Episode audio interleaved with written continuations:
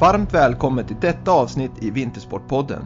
I vanlig ordning är det jag, Willy Bylin, som ska lotsa er genom samtalet med dagens gäst. Med min bakgrund som elitidrottare och ledare inom såväl idrott som näringslivet hoppas jag kunna ge er intressanta infallsvinklar i samtalet som ska ge er inspiration, energi och kunskap.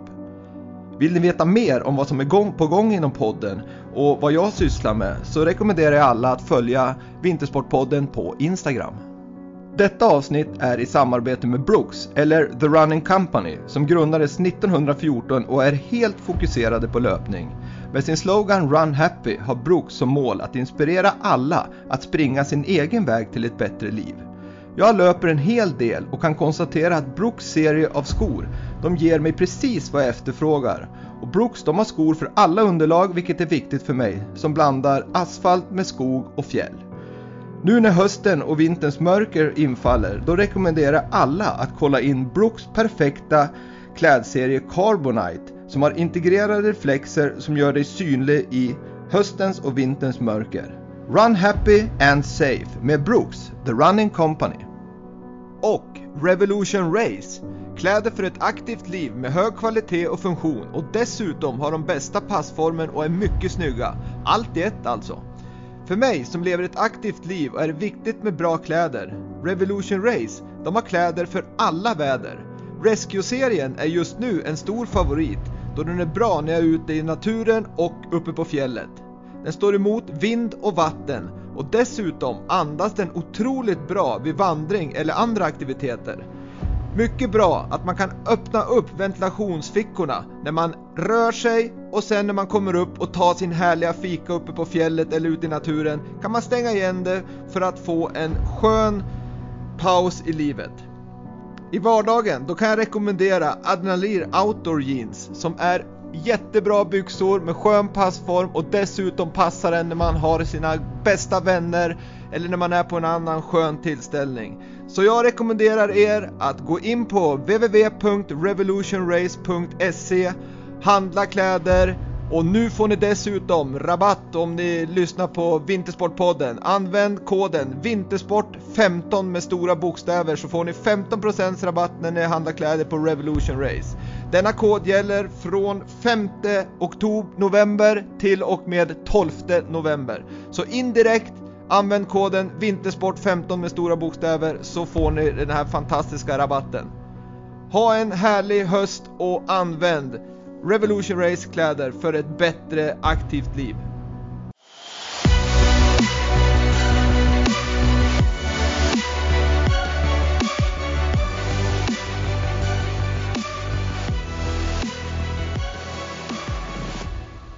Dagens gäst i Vintersportpodden, världs och OS-mästarinnan i skidskytte, Hanna Öberg. Varmt välkommen till Vintersportpodden Hanna. Tack så mycket. Det är ju otroligt kul att ha dig här. Eh, dels för den, som jag känner det via och lite media och sådär, en otroligt ödmjuk och härlig människa med fötterna på jorden men sen naturligtvis också på, på grund av, av dina otroliga resultat. Men den kombinationen för mig är väldigt, väldigt, eh, det är stort att man kan ha den kombinationen. Så det ska bli kul att höra mer om vad du har att säga om, om eh, din karriär och vad du har framför dig här med kommande OS och så vidare. Men vi brukar alltid börja med en kort sammanfattning om gästen och idag så säger jag så här att Hanna Öberg föddes 1995 i Kiruna. Eh, flyttade som sexåring till Svensbyn som ligger utanför Piteå där de växte upp och började sin vandring mot eh, världsmästare och OS-mästare inom skidskytte. Numera bor hon i Östersund. Eh, hon har eh, sin syster som heter Elvira som också är med i skidskyttelandslaget och pappa Thomas och mamma Victoria. Hon har en lång och gedigen meritlista inom resultaten men vi ska försöka sammanfatta den ganska fort. Hon har fyra medaljer på junior-VM, två medaljer på Europamästerskapen. Hon har startat i fyra VM, tagit sju medaljer varav ett guld. Hon har startat i ett OS där hon knep två medaljer och ett guld som naturligtvis de flesta kommer ihåg.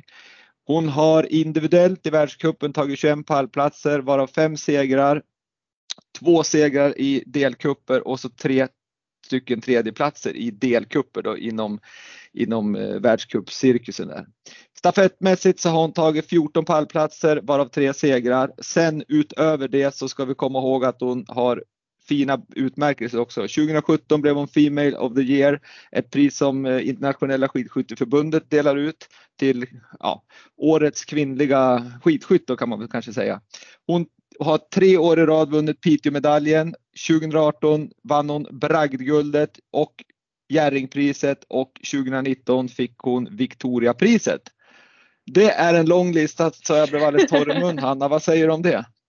Eh, ja men det blir rätt eh, eh, häftigt när du räknar upp det sådär. Det gör man ju inte så ofta.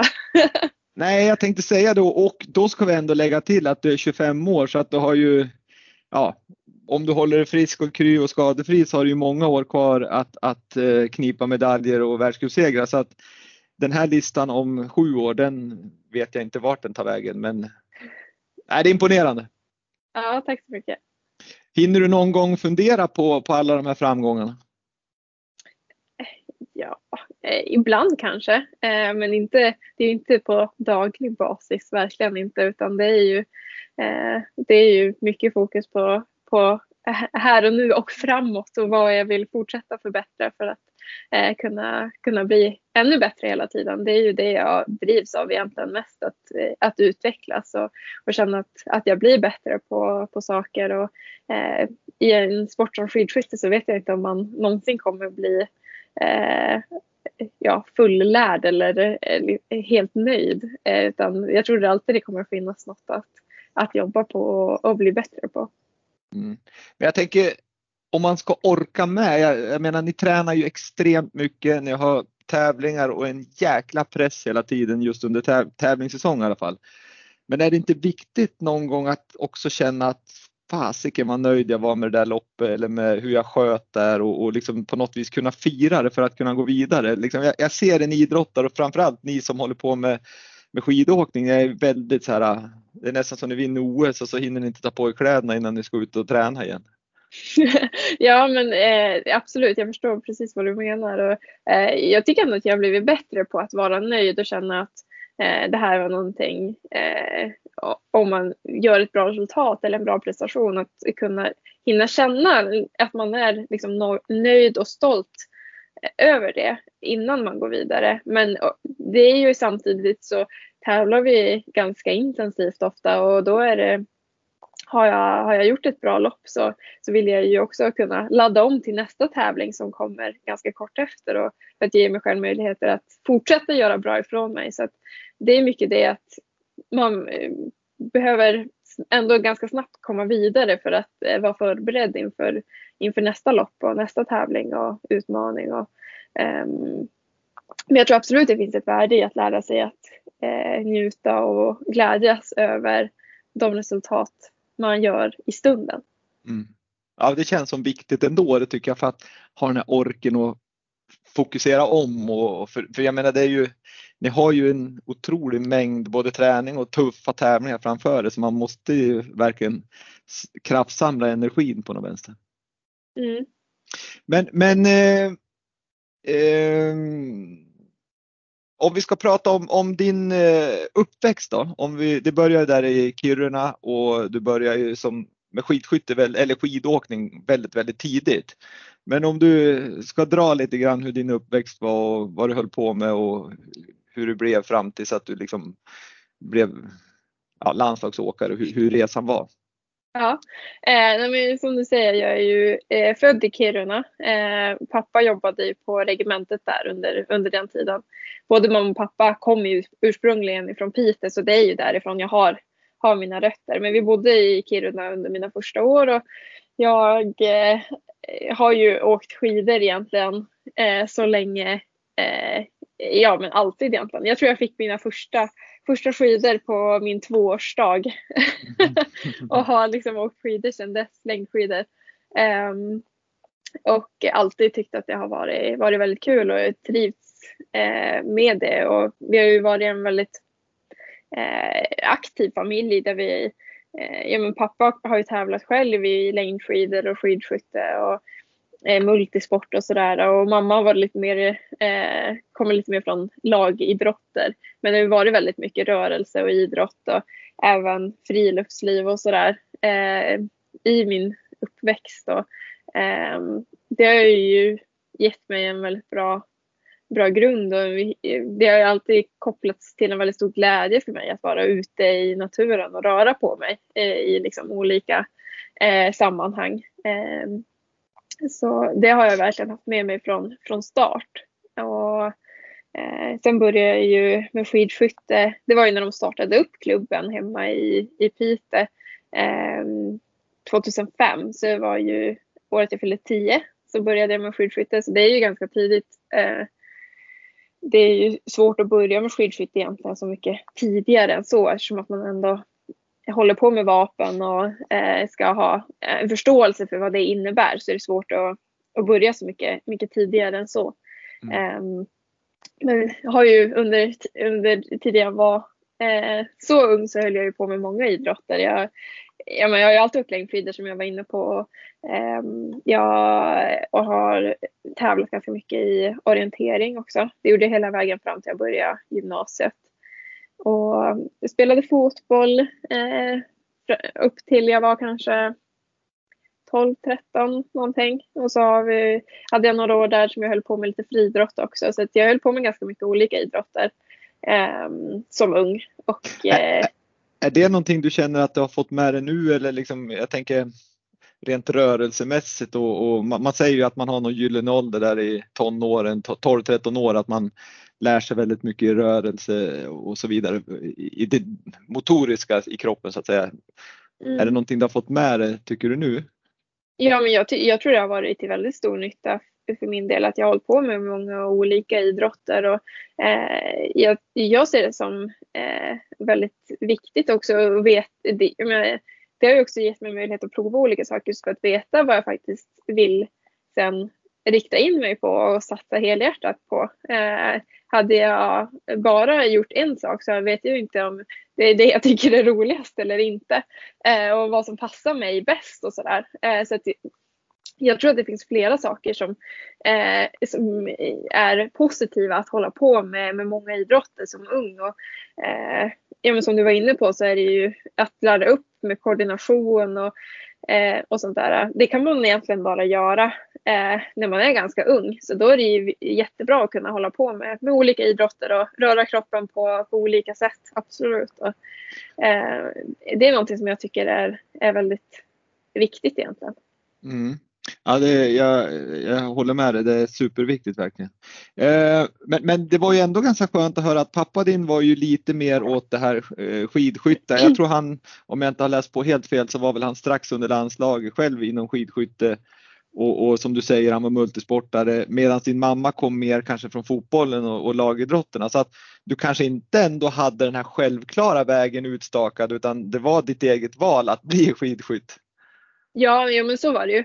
Sen var det ju pappa som var tränare på, på skidskytteträningarna ja. och sådär.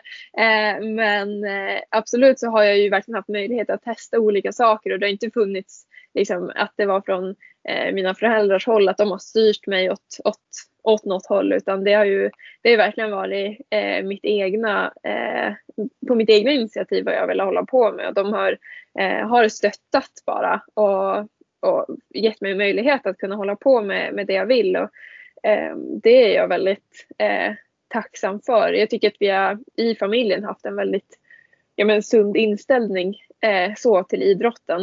Eh, men vi, jag vet ju att det finns andra eh, där det kanske är mer pushande åt olika håll eller eh, sådana saker och det har jag verkligen inte upplevt i min uppväxt.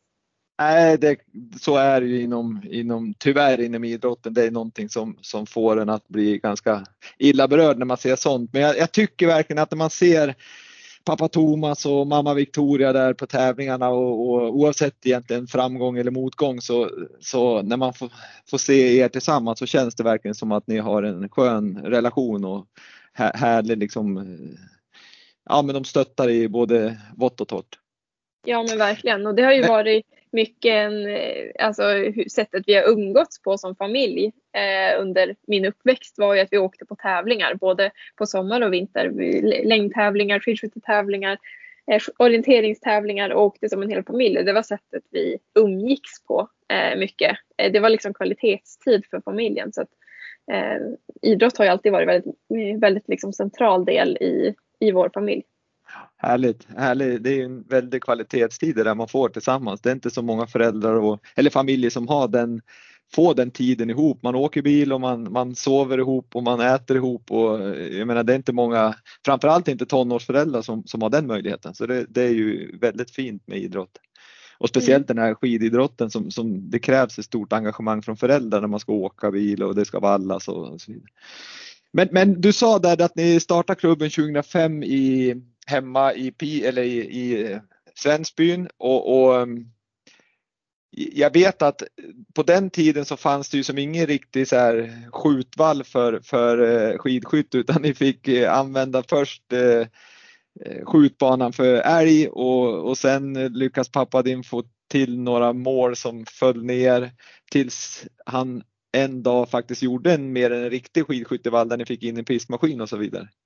Ja, eh, men det stämmer. Vi började och var, det finns en älgskyttebana på, liksom på baksidan. Vallsberget eh, heter ju stället. Det, eh, det är ju Limbäcks stadion är ju mm. det officiella namnet nu på, eh, på Vallsberget. Men det är ju där skidspåren och så går. Eh, där det också, de har kört eh, SM-tävlingar och så i, i längd bland annat. Så det är en väldigt fin anläggning och eh, på baksidan av berget, mer mot liksom hållet, Svensbyhållet, eh, eh, så fanns det, eller finns fortfarande en älgskyttebana som ligger i, ganska nära anslutning till, till skidspåren. Så vi började verksamheten där eh, och eh, ställde, pappa hade ställt upp några skidskyttemål eh, där på älgskyttebanan. Eh, så det var som du säger, det var där vi, där vi började. Och, eh, sen har vi också varit inne någon sväng i, eh, i Noliahallen i Piteå där de, eh, det är en friidrottsbana inomhus mm. där också eh, skytteföreningen den rena skytteföreningen höll till och mm. hade sina träningar. Så vi var där parallellt med dem och sköt och körde mycket eh, rent skytte under vintrarna när det inte eh, när vi inte heller hade någon skjutvall färdig som vi nu har på, på Lindbäcksstadion. Eh, som är i, det är en väldigt fin fotboll eh, som vi har fått till sedan dess. Ja, men det är liksom, för mig är det en liten solskenshistoria liksom att, att eh, verkligen pappa din engageras och byggde från, från en eh, skjutvall liksom, för älgar och skjutbana till att det blev en, en, numera en väldigt fin anläggning. Det är ju eh, det är ju otroligt. Det finns ju många som engageras men det är ju så kul när ni har lyckats så bra också, både du och, och syrran din och, och, även andra i, i, i föreningen som har, som har lyckats väldigt bra. Eh, men, men men man ser ju också att framförallt om vi ska prata om pappa din, han verkar ju vara väldigt, väldigt engagerad. Jag såg också att han var ju någon form av volontär på skidskytte-VM i, på hemmaplan 2019.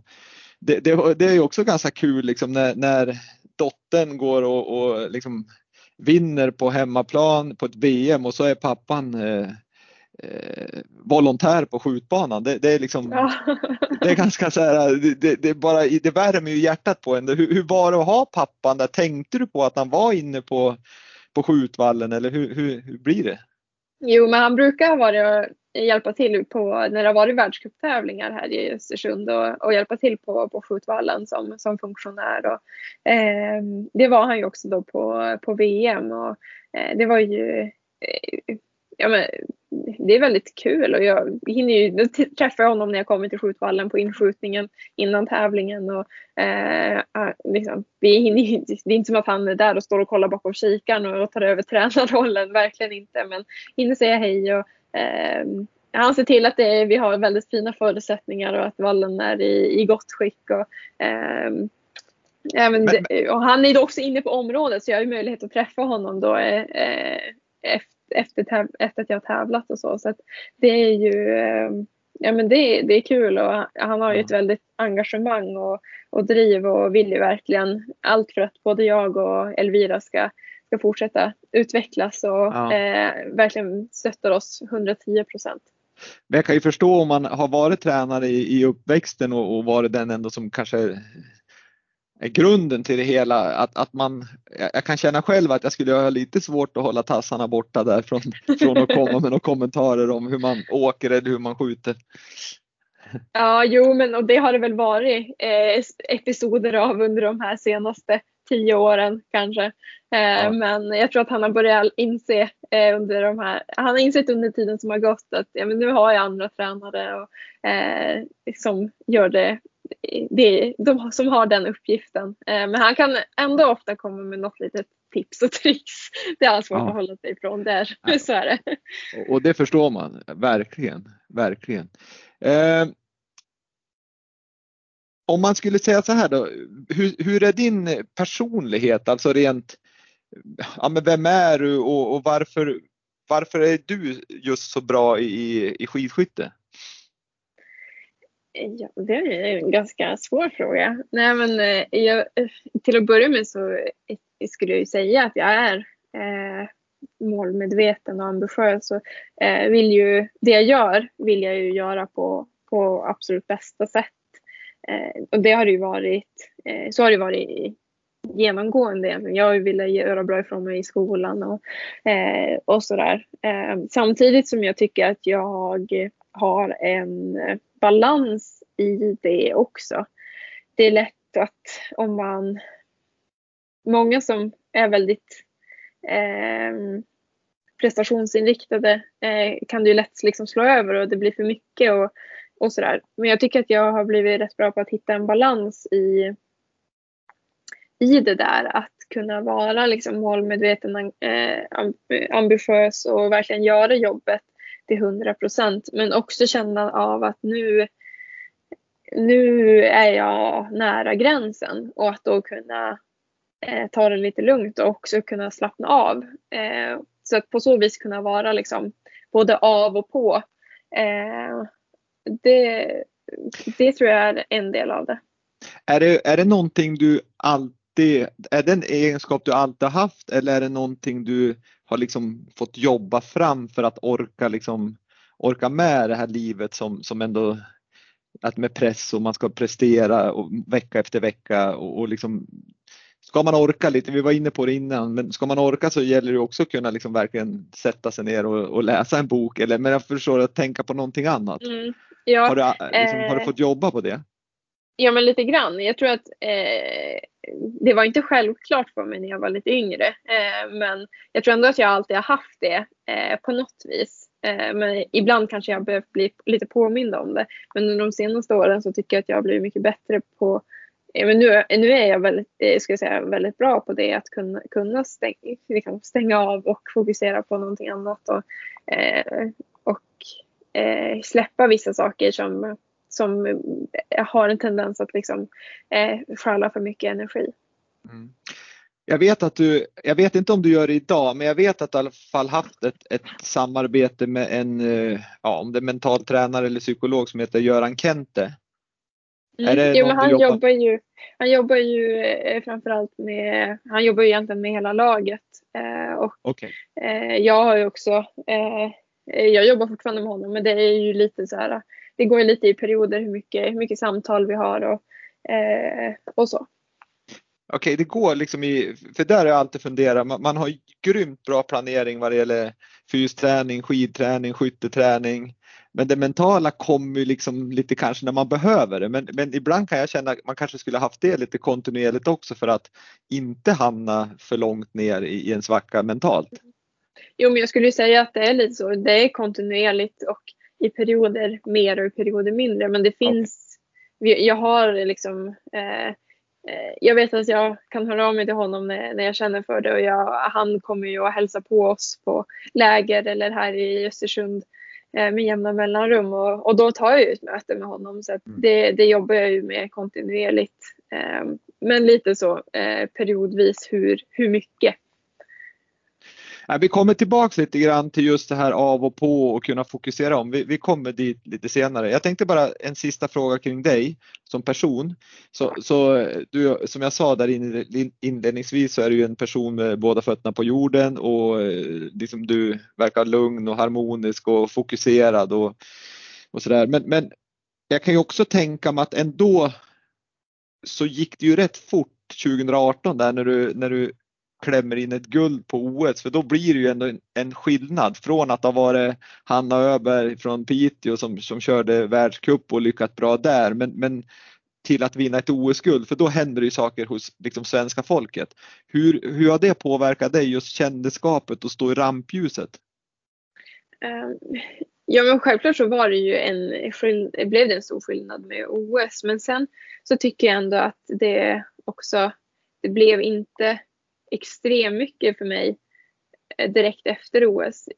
Och jag tror att det kan, det beror nog på olika saker, men det var ju ett väldigt framgångsrikt OS för Sverige och det var ju liksom inte bara jag som, som gjorde bra ifrån mig utan vi, det var ju väldigt, ja, men både i hela vårt lag, skidskyttelandslaget gjorde ju mm. väldigt bra ifrån sig. Vi tog ju medalj i stafett både på dam och herrsidan och Sebbe tog individuell medalj. Och sen var det flera som vann eh, individuella guldmedaljer i, ja, men, i längdskidor mm. och, mm. eh, och sådär. Så det var ju, eh, jag tror att det hade varit skillnad om det, eh, eller ännu större skillnad om det var eh, om jag ensam hade tagit en guldmedalj på det OSet.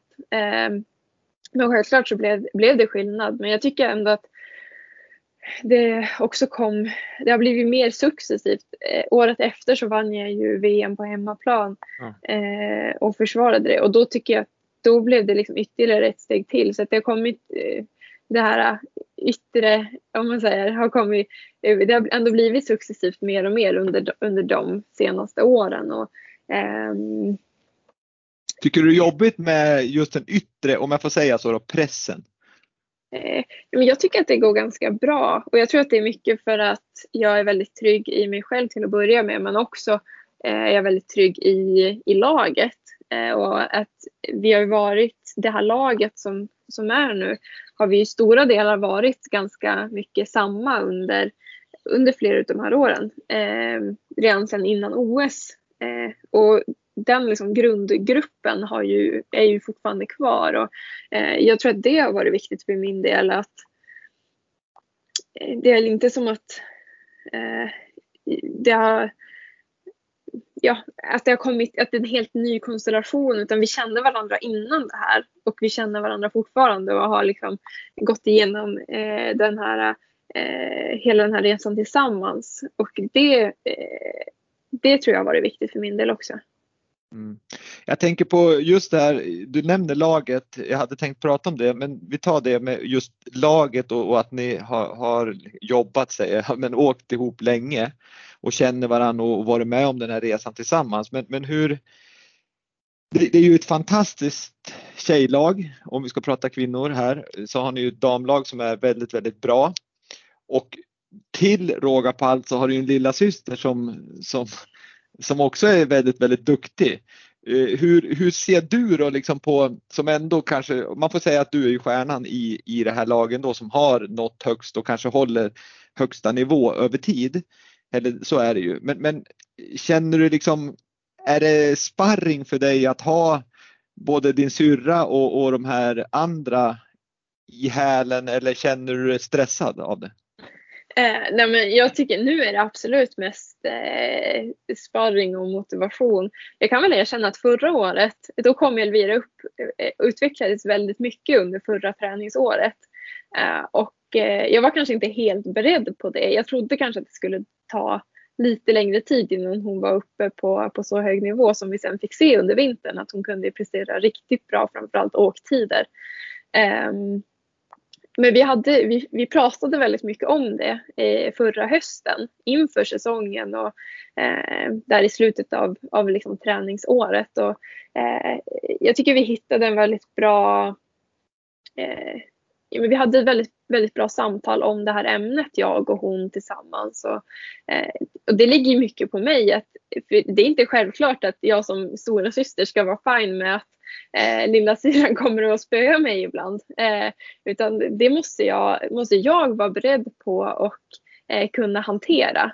Och eh, efter att vi hade pratat om det väldigt mycket och eh, att vi liksom inser att ja, men vi har en ömsesidig respekt för varandra och vill varandras bästa och att vi har en väldigt stor nytta av varandra. Eh, så tycker jag att det funkade väldigt bra under vintern och att det var, väl, var verkligen eh, bara positivt för min del. Och, eh, jag har ju insett att hon verkligen kan hjälpa mig till att fortsätta utvecklas. Och, eh, det, det tycker jag att jag fick liksom, nytta av redan i vinter. Att, eh, jag blev, har blivit bättre på att kunna eh, i vissa lopp pressa mig och verkligen kunna ta ut mig. Och det är en styrka som Elvira har och har haft sedan tidigare.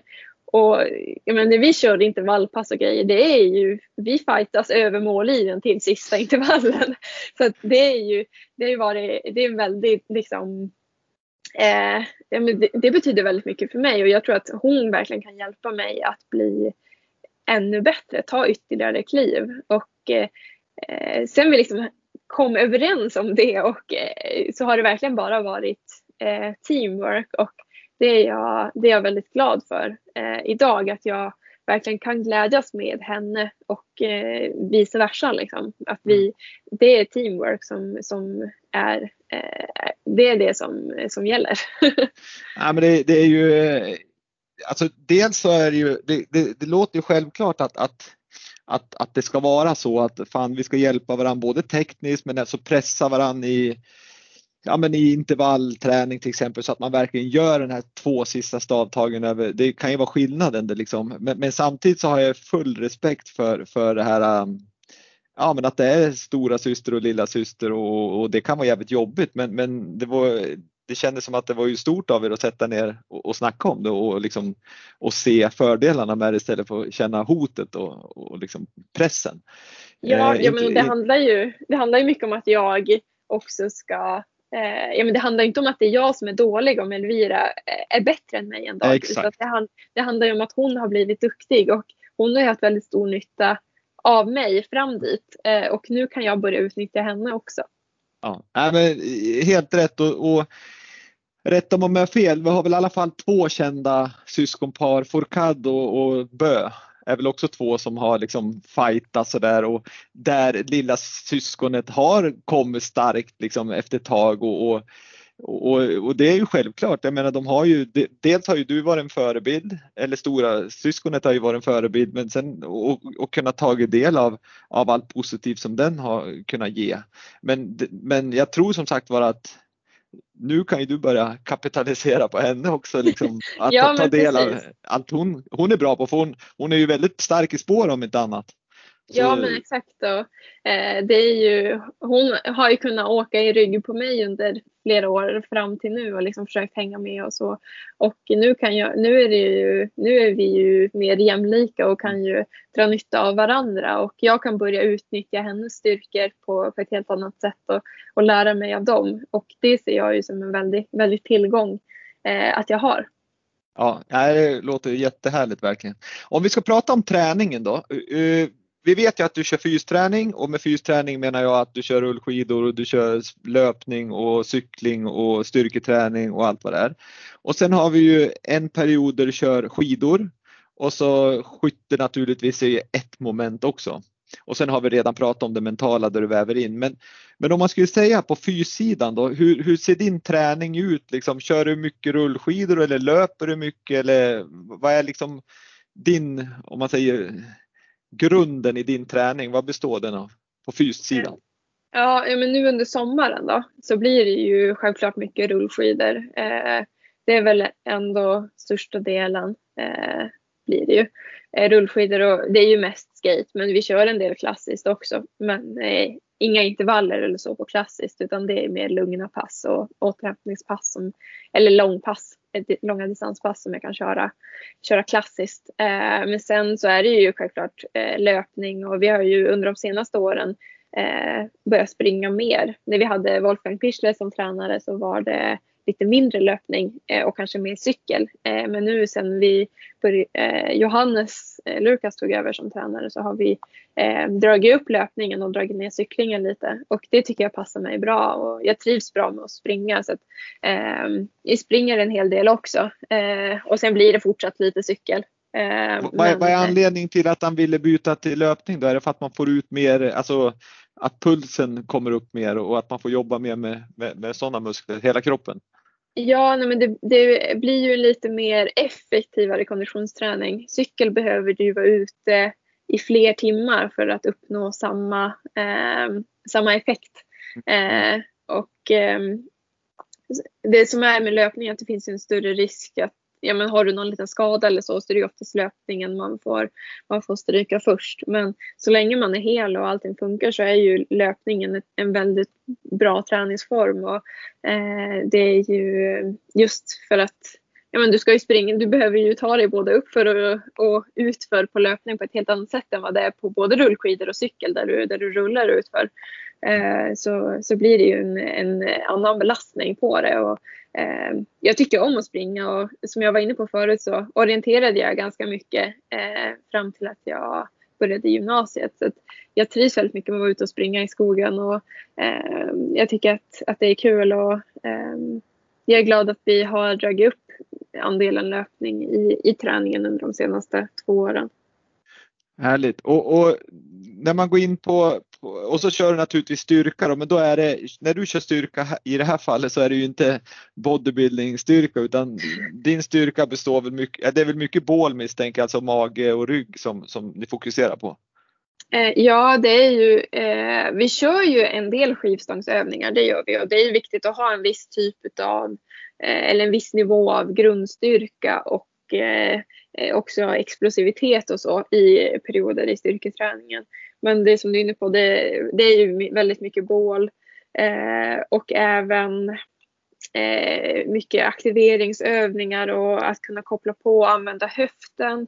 Eh, det kanske ingår i core egentligen men det är ju vissa som blir lite mer benövningar eh, för att kunna koppla på och eh, stå ordentligt på skidan och ehm, och sådär. Eh, så att eh, det kanske inte är, de, vi kanske inte använder de tyngsta vikterna i gymmet utan det, det är mycket jobba också med, med mindre muskler och, eh, och väldigt, eh, och, många övningar är ju ganska eh, lätta att koppla till för att jag ska bli bättre i tekniken på skidorna.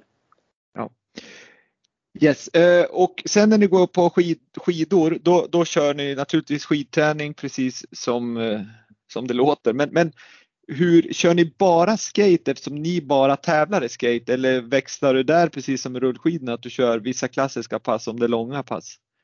Eh, ja, men under vintern så åker vi också klassiskt. Eh, aldrig hårt då kanske, för det är vi lite för dåliga på tekniskt. Eh, för att kunna, kunna få ut bra kvalitet på, på klassiskt. Eh, mm. Men eh, distanspass och återhämtningspass och sånt är ju eh, det är bra att få in mycket, en del klassisk åkning för att om jag bara skulle skata så blir det, eh, det blir väldigt muskulärt och eh, men det, det kan verkligen alltså det kan sätta sig i benen så det är bra att få eller att åka klassiskt och få diagonaler lite och så. Det sköljer ur benen ofta lite mm. bättre än, än vad skate gör. Så att Eh, vi kör absolut en del eh, klassiskt även under vintern. Men är skate jobbigare att åka tycker du än klassiskt? Rent för kroppen, och alltså pulsen? Här. Eh, ja, men jag är mycket bättre på skate än vad jag är Aha. på klassiskt. Eh, men, eh, och klassiskt kör vi som mest bara lugnt. Eh, mm. Men jag tycker att det är skönt att kunna variera sig och köra, eh, köra någonting annat. Och, ehm, som jag var inne på så klassiskt är kanske eh, bättre för att för just återhämtning i återhämtningssyfte och eh, att eh, om man har en dag mellan två tävlingsdagar så åker jag ofta klassiskt den dagen eller kanske springer för att inte skejta eh, och få byta lite muskelgrupper och, och skölja ur eh, ordentligt. Ja, intressant. Eh, sen då skillnaden jämfört eller mellan er och, och en längdåkare är att de kan fortsätta att köra klassiskt och skate på skidor och på, på, mm, rullskidor och allting. Men, men ni ska ju också väva in skyttet. Hur, hur jobbar ni med det? Skjuter ni varje pass eller har ni specifika skytteträningar? Mm, det är lite olika i perioder faktiskt. Nu i eh, början av träningsåret, om vi säger maj, eh, första halvan av juni, då kör vi en allskytte i princip separat från fysträningen. Då är det rena skjutpass. Och, eh, och då skjuter vi skjuter ja, kanske fem pass i veckan. Eh, och de tar ju 45 minuter, en timme eller något. Eh, vi räknar ju inte tid när det är skytte utan Nej. det är egentligen antal, antal skott. Eh, så det beror på lite grann vad man har för, för fokus. Och, eh, på de rena skyttepassen under den perioden så är det ju väldigt mycket grundskytte. Alltså vi ligger och skjuter, eh, vill skjuta bra poäng, eh, precision och, och räkna poäng mycket. Eh, och sen nu när vi har kommit in en bit in i juni och in i sommaren så har vi ju börjat mer med vad vi säger kombträningen. Alltså när vi skjuter i samband med fysträningen så som vi gör när vi tävlar. Att vi åker och skjuter och, eh, och sådär. Um, och börja lägga in mer liksom, eh, andra typer av skytte med lite mer fart och rytm och, eh, och sådana delar. Eh, men jag kör ju fortsatt eh, nu, även fast jag nu kombar många pass så har jag ju också rena skyttepass i, det har jag ju under hela liksom, barnmarksperioden också. Och då kan ni träna mer, fokusera på tekniken för jag menar det säger sig själv när ni kombar, alltså kom, kombinera fys och skytte så då är det ju liksom att, att hantera det under, under belastning, alltså pulsslag. Ja, jo men det är ju lite annan typ utav av skytte. Eh, mm. Det är det ju. Och eh, det är mycket så här i början av sommaren också att eh, vänja in sig igen med att skjuta med belastning. För det har jag inte gjort under ett par månader eh, innan. Mm. Nej, det är intressant att höra och det är otroligt komplext, komplex idrott där man ska liksom ha många delar och, och, och, och det måste verkligen lira för att jag menar tittar man på skidskytte idag så, så är det ju det, det, du har inte råd att åka långsamt och skjuta dåligt. Alltså, eller åker du fort och skjuter dåligt så är det ändå borta. Liksom. Tidigare kanske ja. man kunde göra det att man åkte som en galning i spår och så bommar man fem. Men idag ser man ju att bommar du en liksom, och åker bra så är det ju kanske på pallen eller inte. Så att det, mm. det har ju blivit grymt. Liksom. Man måste vara väldigt bra på, på, på alla delar och, och det är ju härligt det. Men om man, om man då tittar på på det här och du är världsmästare, du är OS-mästare, du har vunnit världscup och allt egentligen vad man kan vinna. Men vad ser du själv att du har för utvecklingspotential? Vart kan du liksom bli bättre? Det är den ena frågan. Och den andra, har du någonting Jobbar ni på, på egen hand men kanske även tillsammans med era tränare på att hitta någonting som blir revolutionerande för fan nu gör vi någonting som ingen annan gör som vi liksom mm. kommer krossa dem med i vinter? Eh, ja, om jag ska börja med den första frågan ja. så eh, som jag, det har jag varit inne lite på förut att det, det, finns, jag tror inte man blir fullärd så lätt i skidskytte. Utan det är ju, ja, det finns många saker jag jobbar med och det är egentligen alla delar hela tiden. Men jag vill ju eh, bli starkare så att jag kan åka eh, bättre tekniskt och snabbare såklart. Men också bli tekniskt bättre och en sak jag jobbar väldigt mycket med eh, just nu det är att utveckla och hitta nycklarna i tvåans växel eh, i, i skaten. Ehm, för, särskilt också i de backar där det kanske inte är de allra brantaste backarna men där det är, eh, det är fortfarande uppför så jag vill gå tvåans växel men jag, ska, jag vill åka lite större på tvåans växel för att mm. det är mhm. lite, inte jättebrant. Och då ska vi eh. säga det för de som inte, det är många som vet om det här, men vi ska säga att det finns fem växlar kan man väl säga då, i, mm. i, i skate där, där ettan är verkligen då går du upp för berg och, och femman då åker du bara med benen kan man säga. Ja. Eh, och ju, ju, lättare terräng desto högre växel om man, om man får säga så, eller lägre. Eller, alltså, femmans växel då är det lätt terräng och ettan så är det väldigt svårt. Så att ja. tvåans växel då är det ändå ganska mycket mot eh, lut. Ja det är, det är, back, det är backar och eh, ja det är en backe. Om vi säger treans växel är kanske lite mer slak mota, lätt motlut tvåans växel, då är det backe. Eh, men inte de då allra brantaste backarna. Nu har jag inte varit på banorna i, i eh, Peking där vi ska åka OS, men om, om man sett på banprofiler och annat så är det, det är inte några jättebranta backar utan det är lite mer åkbackar och då vill jag kunna hitta en bra, bra teknik för att åka stort då på tvåans växel som jag åker i, back, i backarna. Och eh, det jobbar jag mycket med nu för att hitta de nycklarna. Och, där har jag fortsatt lite jobb kvar att göra för att hitta det ordentligt. Men, eh, men jag är på god väg att, att, att börja hitta det. Och, kan du göra det, det på, skid, på rullskidor?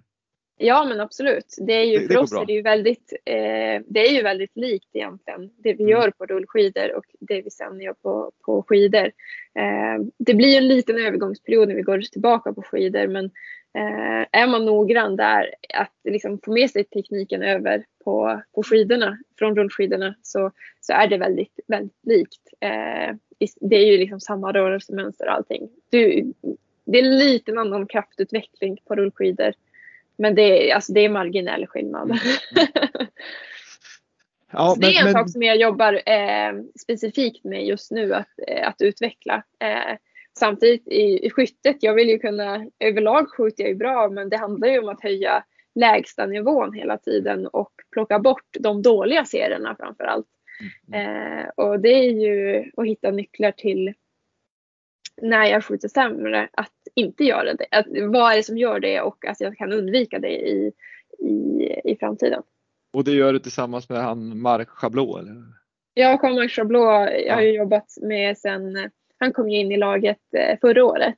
Mm. Så vi har jobbat ihop ett drygt år nu och eh, jag tycker det har varit väldigt kul att få in någon med lite ny blick på, på mitt skytte och eh, lite nya saker. Och vi har vi började ju förra året och i år har vi kunnat fortsätta jobba vidare. Och, eh, jag tycker att det har varit, varit väldigt positivt för mig och, och mitt skytte. Och den här profil, han gjorde ju stor succé tänkte jag säga på, på VM i år. Och vi, vi, ja, men han gjorde det bra liksom att förmedla sporten och positiv attityd och sådär och det är viktigt när man, när man sitter i soffan och tittar. Mm. Men, men det här andra då, om ni hittar någonting som ingen annan gör, har ni någonting naturligtvis kan det vara svårt att berätta, men jobbar ni med någonting? eh, det är väl lite svårt och, och, det är svårt också att komma, att liksom komma på det kanske. Eh, men eh, absolut, så jag tror ju till att börja med så har vi, vi räknar med att det kommer vara blåsigt på OS. Mm. Det går ju på hög höjd och eh, om man liksom kollar av hur klimatet är och vädret brukar vara där i Peking uppe på höjden eh, den tiden på året så, så ser man att det är blåsigt. Och eh, det är ju, det tror jag till att börja med inte vi har någon nackdel av att vi bor eh, hela laget här i Östersund. Eh, utan eh, eh, det blåser ju en del här, nära fjällen och så. Så att, det har vi, vi tränar ganska ofta med, med vind på, på skjutvallen. Så det tror jag till att börja med inte är någon, någon nackdel för vår del. Eh, men sen så koll, eh, det är svårt att veta exakt vad alla andra gör och eh, inte gör. Men eh, det handlar ju kanske om att provocera fram vissa situationer ibland. Eh, och det som jag tror är vårt lags största styrka, det är ju just att hela laget bor här och att vi tränar ihop i princip varje dag. Eh, det är ju någonting som, eh, som jag tror Eh, har verkligen gett resultat och hur det här laget har utvecklats under de senaste åren. Det är, det är jag rätt säker på beror på att vi sparrar ihop så oerhört mycket och i en sport som skidskytte eh, det är inte bara ut i skogen och mata på i ett skidspår och eh, liksom mot sig själv och sitt egna huvud och eh, muskler som skriker utan det är ju också, vi ska, det avgörs också inne på skjutvallen där jag i tävlingssituation står med många andra samtidigt och eh, ska liksom ha fokus på mitt egna. Så jag tror att det att jag har den liksom, träningen, det tränar jag på varje dag tillsammans med de andra i laget. Eh, det tror jag är eh, en, en väldigt stor styrka som, som vi har i vårt lag att vi, att vi gör hela tiden. Jag tänker, måste man, för att vara med i landslaget i skidskytte, måste man bo i Östersund då eller är det frivilligt? Nej, man måste inte det. Men okay. det har blivit så att, eh, att alla bor här nu. Det, ja. Eh, vi har ju väldigt goda förutsättningar för eh, just skidskytte här i Ja, Östersund. Och eh, flera av tränarna bor ju här också. Mm. Jag tänker på en annan sak där som du säger själv med skjutvallen. För det är ju liksom när jag sitter och tittar på skidskytte, vilket jag gör i mer eller mindre alla tävlingar för jag tycker det är en väldigt trevlig sport. Det är hur, eh, hur, hur tänker man där när man står där på, på skjutvallen, man leder eller man ligger två eller vad man nu gör, men man är, man, man är stressad i alla fall för att det, det kommer in fem, sex, sju, åtta, tio andra och så börjar det pangas överallt hejvilt på alla tavlor. Och så hur lyckas du fokusera då? Tittar man över då på på konkurrenten som ligger ett eller två och ser, fan blir det nog bommar där eller hur? Är det fokus på sitt eget? Eh, ja, men, målsättningen är att ha så mycket fokus det bara går på, på sig själv såklart. Och eh, det är ju för att ge sig, ge sig själv förutsättningar att prestera så bra som möjligt och, och göra så bra ifrån sig det bara går. Och det är ju svårt om jag har tankarna åt en massa andra olika håll. Eh, att göra det jag ska göra så bra som möjligt i stunden själv. Eh, men det är klart att står man där, eh, kanske inte om det är fulla skjutvallen om du säger på en massstart när 30 personer skjuter samtidigt. Då är det svårt att veta vad folk runt omkring skjuter. Mm. Eh, för då smäller det så oerhört mycket. Men är man några stycken inne samtidigt. Eh, jag hör ju ändå fortfarande om det är träff eller bom eh, på Mm. de som står runt omkring mig. Ja, du hör det. det. Det brukar man eh, ofta höra. så att, Okej. eh, det är ju, man har ju lite koll även fast det är inte det jag fokuserar på. Men det är en nyckel tror jag Eh, för att kunna göra det bra. Det är att ja, men jag noterar det men jag liksom fångar tillbaka fokuset och eh, fokuserar på det jag själv ska göra och mina egna skott. Eh, men det, det är oftast så märker man av hur, hur de, eh, om jag står bredvid någon, vad den skjuter också. Men det är inga psykningar när, när du och värsta konkurrenten kommer in där på skjutvallen och så det är ingen psykning och det sista man säger, hör du de ser små ut nu eh, målen eller, eller att, att du har skjutit fullt och så står hon kvar, konkurrenten och så säger försök igen eh, liksom, och så Ja. drar du. Det är inga sådana Nej, psykningar. nej eh, det finns ju också vissa regler och inne på skjutvallen så får man inte prata. Nej. tävling. Nej, eh, jag får Nej. inte prata och eh, eh, tränaren som står bakom kikaren eh, får inte heller försöka ta kontakt med mig på något vis utan jag eh, ska liksom göra mitt jobb själv och man får liksom inte störa någon annan inne på skjutvallen. Eh, Nej, det är ju så det finns det faktiskt, en, det finns faktiskt regler kring. Ja men det är bra också. Jag tänker ju så det blir lika, så, för annars skulle de ju kunna säga skruva åt höger eller skruva åt Ja, vänster. nej men det får man inte göra. Nej. Den, den informationen kan jag få senare ute på banan. Eh, men inte inne på skjutvallen. Men jag vet att eh, vi pratade lite här innan att, att du, eh, du har som oftast ett vilopass i veckan när du får, får vila upp din kropp. Men sen så sa du nu att nu har du liksom semester från träning och när du säger semester så är det fyra dagars vila. Ja. Och då undrar jag liksom med, med tanke på den träningsmängd du och dina lagkamrater lägger ner. Efter fyra dagars vila, hur är du då? Då måste du ju bara spritta i kroppen och känna dig i, alltså det måste vara helt otrolig känsla alltså. Nej, det är inte det. Nähä. Nej, eh, nej. Eh, man har, tror det eller ej, så har man hunnit, man hinner börja känna sig otränad på fyra dagar. Oj, Nej, men det är det, men det är så. mentalt. Det är mentalt. Ja, jag tror det är mest det faktiskt. Eh, eh, men det, om jag inte gör någonting, oftast gör jag någonting. Om jag har fyra vilodagar så, som jag har just nu så eh, hittar jag, då kan man kanske göra någonting. När jag har en vilodag då ligger jag på soffan. Men har jag fyra vilodagar då kan jag ju göra någon lite mer ak- fysisk aktivitet eh, under de här dagarna. Eh, för att eh, ja, men jag trivs med det och tycker att, att det är kul och sådär. Ehm, men passar Men- på att spela någon innebandymatch kanske som, som är väldigt högintensiv? Ja, men det beror på lite vad, vad, som, vad det är för väder och vad man eh, vill göra. Men man kan ju göra någonting när det är så. Ehm, men såklart ingen större skaderisk. Nej, jag. Jag har väldigt bra konsekvenstänk. Nej, men eh, eh, det, det är klart, men det är viktigt att känna att man har återhämtat sig efter de här fyra vilodagarna. För det handlar ju mycket om att hämta hem den träningen jag har gjort under de eh, tre och en halv, eh, fyra veckorna innan. Eh, att det liksom verkligen ska, det ska hinna ladda upp batterierna igen och vara redo för en, för en ny träningsperiod. Ehm, och eh, ja, men man, man, kan säga när man börjar om, när man har tagit så lång vila då är, det, då är pulsen lite extra hög och, och sådär så att ehm, eh, det, ja, man får det, det, jag tycker inte alltid att det känns som att det spritter i kroppen. Det gör det kanske mer efter en vilodag än vad det gör efter fyra. Ja, men på lång sikt kanske det är bra om inte annat för ja, men det är ligament och, och så vidare i kroppen som kanske mår bra av ja, att få lite återhämtning. Det, det, finns många fördelar med att göra en sån, ett sånt viloblock. Eh, det gör det och eh, jag tycker att det, det, är ett bra upplägg som vi kör när vi gör det. Det är inte så vanligt eh, om man ser bland andra. Eh, om man kollar bland längdåkarna eller så. Eh, så är vi ganska, eh, de tränar inte alls på samma sätt när det gäller den periodiseringen så som vi gör. Intressant, intressant. Mm. Det känns ju som att eran tränare där är, är, ja, men är en ung och eh, människa som, som verkar ändå ha liksom ett otroligt engagemang och, och bara liksom idé, komma med nya idéer och sånt där och det tror jag är väldigt, väldigt viktigt så man inte bara går på gamla, gamla träningsmetoder.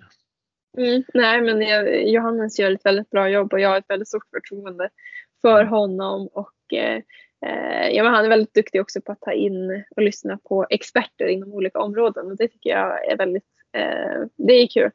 Mm, verkligen. Men du, vi ska, vi ska ta kort bara innan vi ska gå in på OS. Men, men kort här så var vi inne tidigare på att du, du var ändå rätt så bra på ja, men slappna av mellan de här liksom jobbiga perioderna så alltså, hade du en förmåga liksom att ändå sätta dig ner och, och, gå in i dig själv tänkte jag säga, men lämna det jobbiga utanför det. För jag vet att det var ju, det var ju mycket snack där på, på VM i år tror jag, där du, du fick en tuff period. Du, du kände att du kanske hade energibrist och man började prata om att du hade tappat formen, vilket jag kan tycka är konstigt att man tappar formen från den ena dagen till den andra sådär. Men, men, men då visar det verkligen att från att ha varit väldigt liksom illa ute liksom resultatmässigt till att gå hem tänkte jag säga, fokusera och komma tillbaks och ta medalj igen på ett VM. Hur, mm. hur, hur, hur, hur, gick tankarna då och vad gjorde du rent så här mentalt och, och fysiskt? Eh, men till att börja med så var det ju, jag hade en, en bra uppladdning inför VM och jag kände att jag började komma i bättre och bättre form under våra uppla vårt uppladdningsläger inför VM. Så jag visste väl att formen eh, fanns där och Eh, sen blev det ju den absolut, den allra första tävlingen vi körde eh, på VM var ju mixstafetten där vi jag körde sista sträckan och vi tog eh, brons. Eh, och det, där fick jag verkligen bita i ordentligt på spurtvarvet eh, för, att, eh, för att säkra den medaljen. Och, mm. Eh, det blev en väldig eh, eh, urladdning för min del och jag pressade mig verkligen där och det det kostade nog mer energi än vad jag förstod där och då. Eh, och jag hamnade lite, lite back. Eh, det handlade inte om att jag eh, gjorde eller återhämtade mig eller fyllde på på ett sämre sätt än vad jag normaltvis gör. Utan eh, jag gjorde så som jag vanligtvis gör eh, och som gör mig redo för att tävla dagen efter eller ett par dagar senare. Eh, men i det här fallet så hade jag eh, verkligen kört riktigt hårt och pressat mig för att säkra den medaljen i, i mixstafetten och det fick jag sota för i, i sprinten och i, i jaktstarten. Där var jag inte riktigt, jag hade inte hunnit återhämta mig och fylla på energimässigt eh, inför de loppen. Och, men jag var inte riktigt medveten om det eh, för att jag tyckte att jag hade gjort eh, allting bra. Eh, men, men det krävdes liksom, eftersom att jag plockade ut en nivå till i spåret eh, under den mixstafett-tävlingen så krävdes det också en nivå till eh, av mig att, i återhämtning. Mm, och eh, jag låg kvar då på samma nivå som jag normaltvis ligger.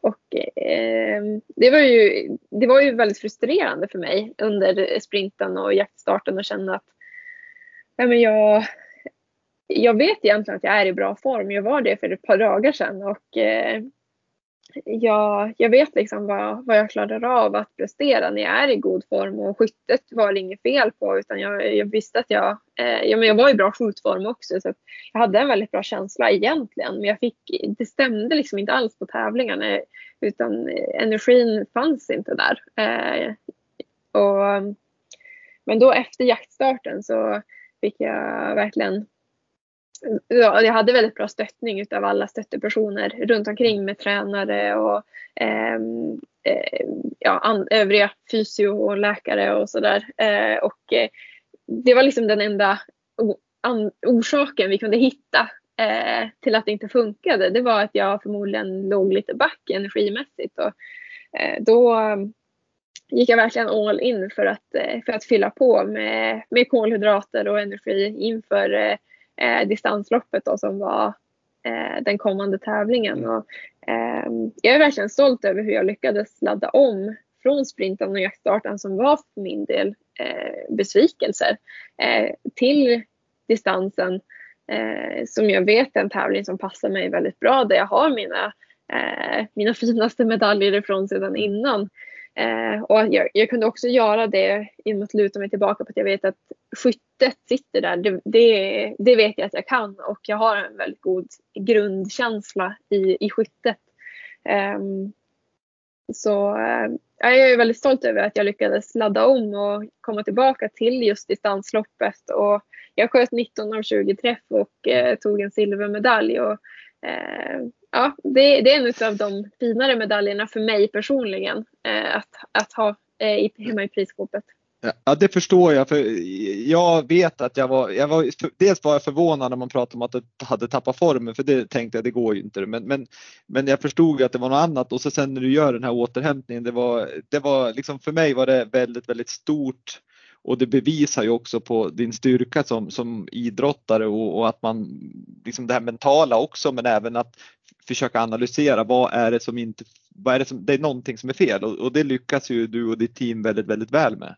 Så det, mm. det var otroligt imponerande och, och det måste ju också vara någonting du verkligen kan bära med dig som, som framåt till kommande mästerskap att, att verkligen utvärdera det lopp man har gjort och vad behövs nu i återhämtningen så att man tänker så att man inte bara gör samma sak igen för då kanske det blir samma sak då. Alltså det var stort. Nej men absolut. Jag har verkligen plockat med mig det och det tror jag kommer vara en viktig erfarenhet inför framtiden. Ja, verkligen. Jätte, jätteintressant att höra. Men vi ska komma till, eh, för vi har, tiden går och jag skulle kunna sitta i många dagar med dig Hanna för det är jätteintressant att, att, att prata om, om din resa och, och, vad du ska göra och inte göra. Men vi ska ta OS som, som jag tycker är ett intressant ämne. Vi har ett OS 2022 i Kina, Peking.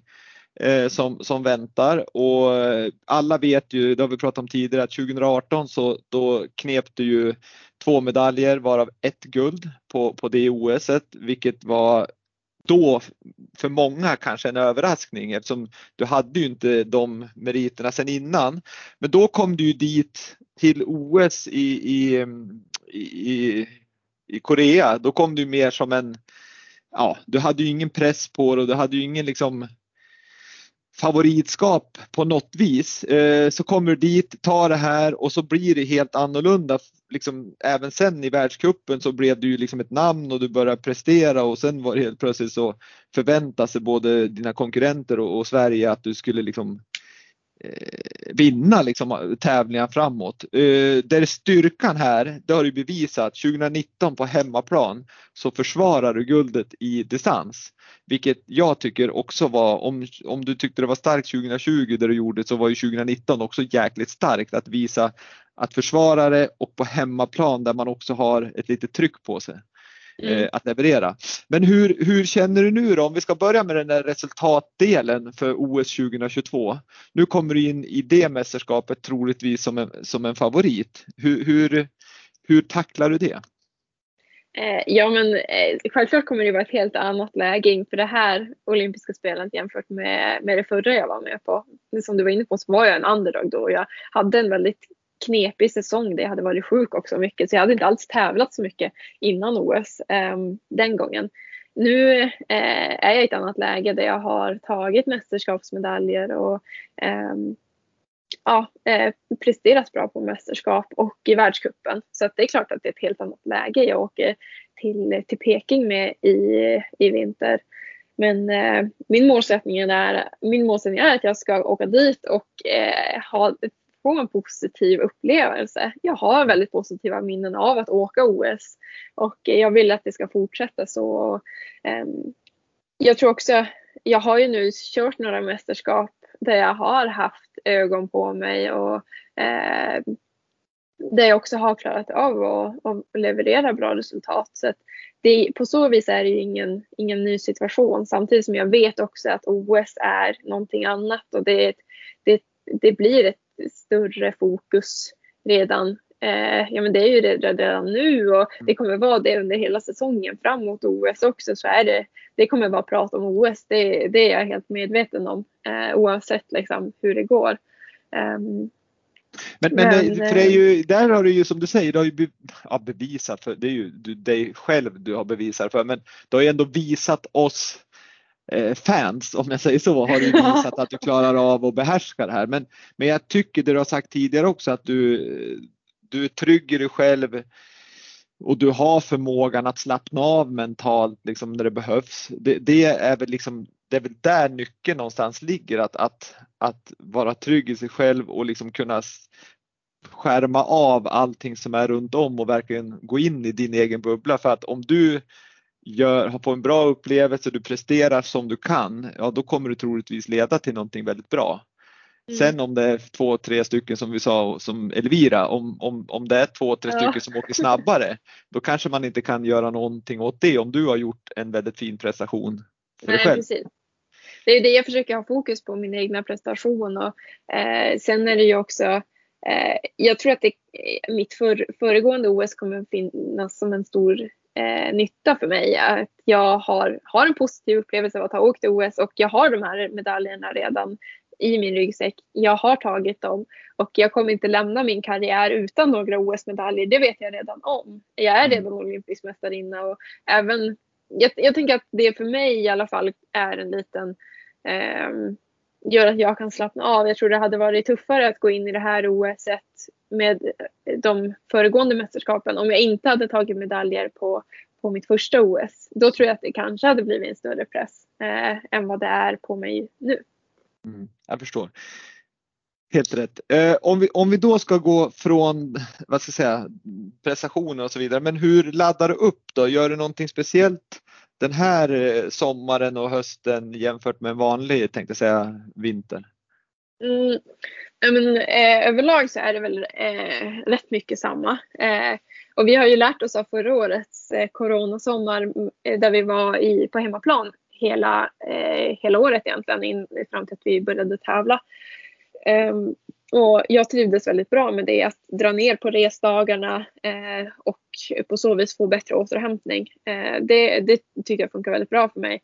Så det har vi tagit fasta på inför det här året och jag kommer vara i Sverige hela vägen fram till att vi åker på ett höghöjdsläger i, i höst. Då kommer vi åka tre veckor till Frankrike för att vara på hög höjd i och med att OS går på hög höjd och få en eh, höghöjdsförberedelse på, på det sättet. Men eh, annars har vi med landslaget ett par läger på hemmaplan i Sverige där vi ja, inte har så långa eh, eh sträckor att åka eh, och, och få liksom, eh, det kostar liksom inte så mycket i restid. Eh, vi kommer ha läger i Åre och i Sollefteå och det, det tar ju sig på två timmar till vardera ställe. Eller en timme till Åre och två timmar till Sollefteå. Mm. Så att, det är ju det är, inga alltså, det, det, är en helt annan sak att sätta sig i bilen i två timmar jämfört med att resa en hel dag ner till Europa. Uh, så jag tror att det är ett väldigt bra upplägg som vi har inför den här vintern. Och sen kommer vi också självklart när det närmar sig OS lite mer att ha uppladdningsläger också på höjd för att se till att eh, vara akklimatiserade innan OS sen drar igång. Mm. Äh, och, det förstår jag. Eh, är det någonting speciellt i Peking där? Det är ju, det är ju lite högre höjd än, än kanske normalt men inte jättehögt. Eh, hur är snön där? Är den väldigt torr eller är det som svensk snö?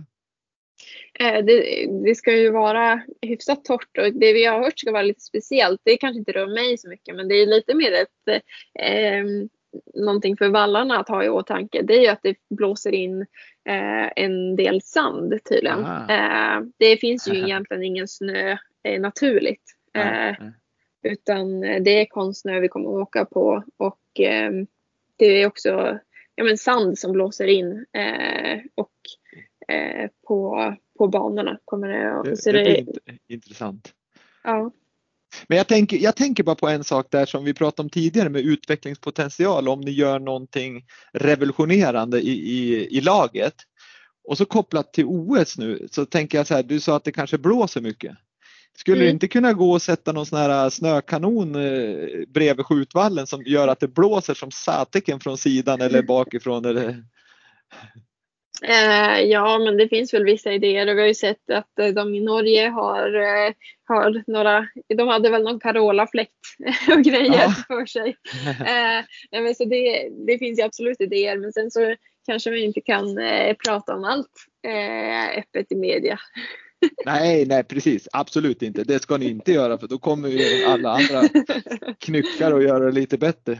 Nej, men det var intressant och kul att höra med, med liksom att du kör på i princip i vanlig ordning här men, men att du har vissa saker som du gör annorlunda för att anpassa det till, till klimatet som är på OS. Då.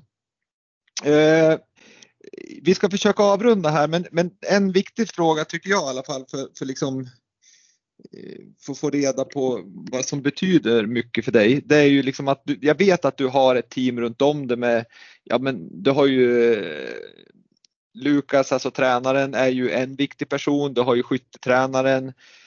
Jean-Marc Chablot är ju viktig. Sen har du ju massa vallare som är viktig. Eh, pappa din naturligtvis, mamma är ju liksom också en nära dig sådär. Mm. Och så vet jag att du har Tobbe Norvall, Torbjörn Norvall som hjälper dig med media och så har du någon manager som hjälper dig med, med lite kontakt med sponsorer för att liksom inte du ska behöva ta allting utan kunna fokusera på vad du ska göra, det vill säga träna och tävla.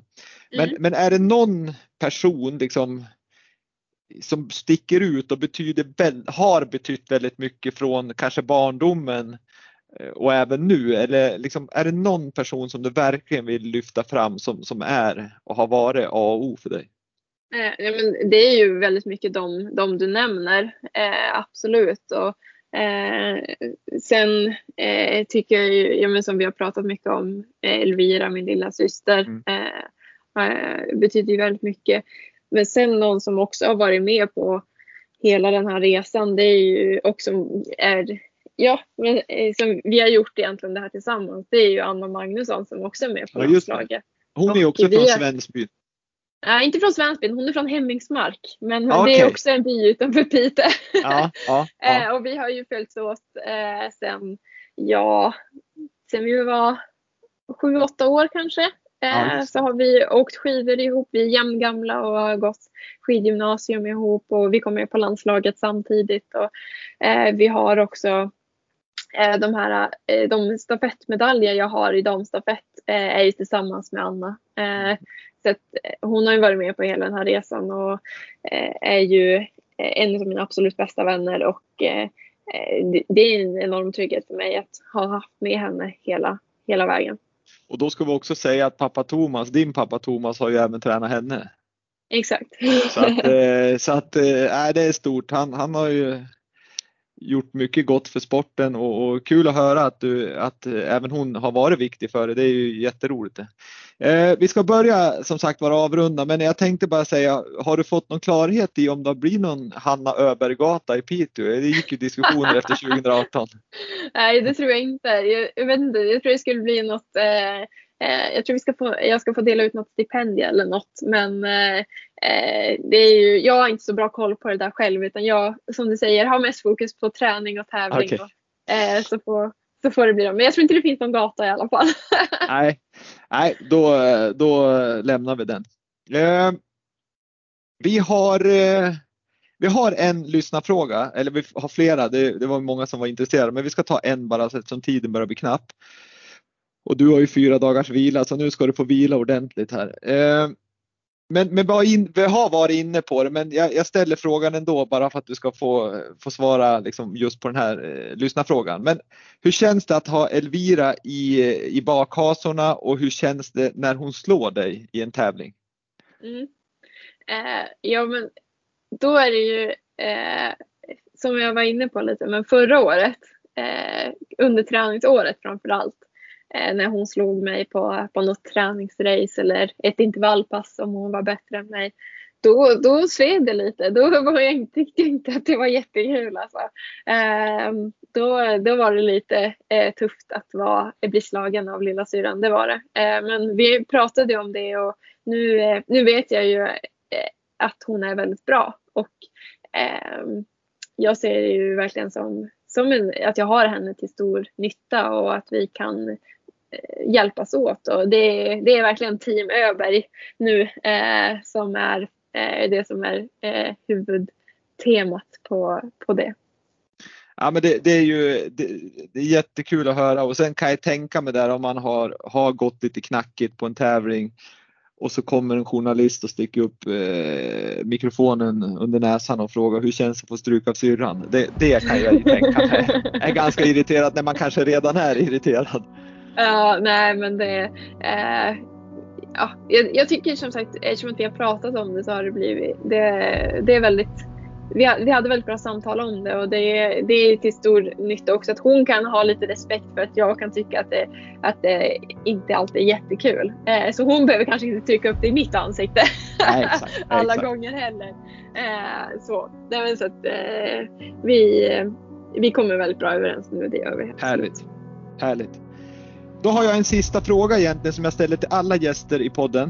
Eh, oavsett vart, vilken sport man håller på med eller om man är läkare eller mental tränare eller kostrådgivare eller vad man än är.